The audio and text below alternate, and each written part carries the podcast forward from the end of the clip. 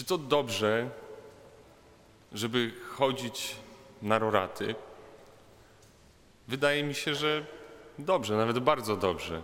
Dobrze jest być na mszy świętej rano, dobrze przyjąć komunię świętą, dobrze modlić się razem. A z drugiej strony, czy dobrze jest wołać do Pana Panie, Panie? Czy dobrze jest wzywać Jego imienia? Chyba też dobrze. Więc z czym ma problem Jezus w dzisiejszej Ewangelii? Dlaczego mówi tak ostre słowa o tych, którzy wołają do Niego Panie, Panie? Wydaje mi się, że dlatego tak mówi, że jest różnica w niektórych przypadkach pomiędzy tym, co jest po prostu dobre, a tym, co jest zbawienne. I tym, co odróżnia jedną sytuację od drugiej, jest pełnienie woli Bożej. I nie chodzi o to, żeby teraz nerwowo szukać woli Bożej przed podjęciem każdej decyzji. Rano wstając, kiedy zadzwoni budzik, znowu zastanawiać się, czy wolą Bożą jest, żebym poszedł na roraty.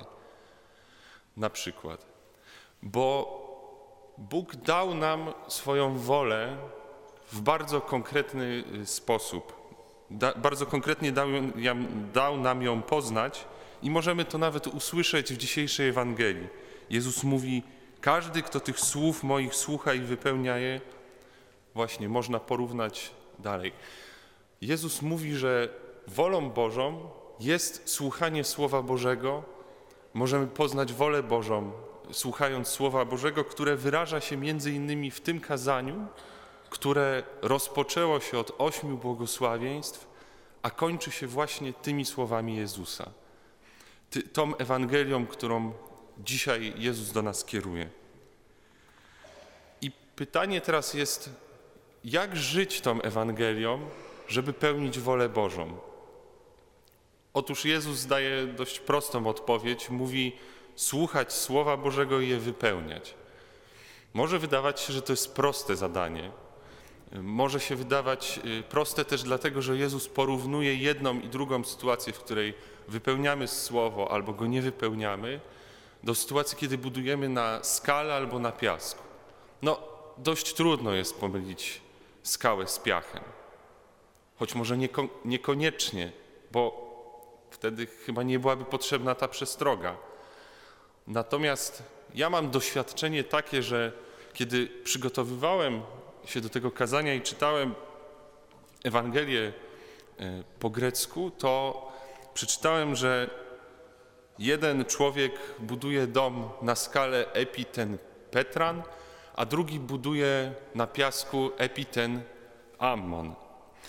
I prawie się pomyliłem, bo to słowo Ammon wyglądało mi trochę, może byłem zaspany, nie wiem, to epitenamon wyglądało e, trochę jak amen, że buduje na amen na stałości. Amen to jest imię Boga, wierność.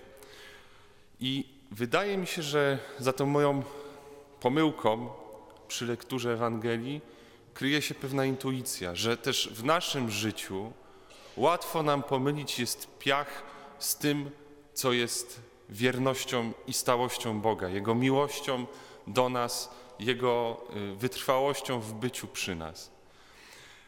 I żeby to zweryfikować, czy ja buduję rzeczywiście na stałej pod, podstawie wierności Słowa Bożego, na, na, na, miłości Bożej, że naśladuję Boga w Jego y, przymiotach, po prostu muszę dokonać y, radykalnego testu.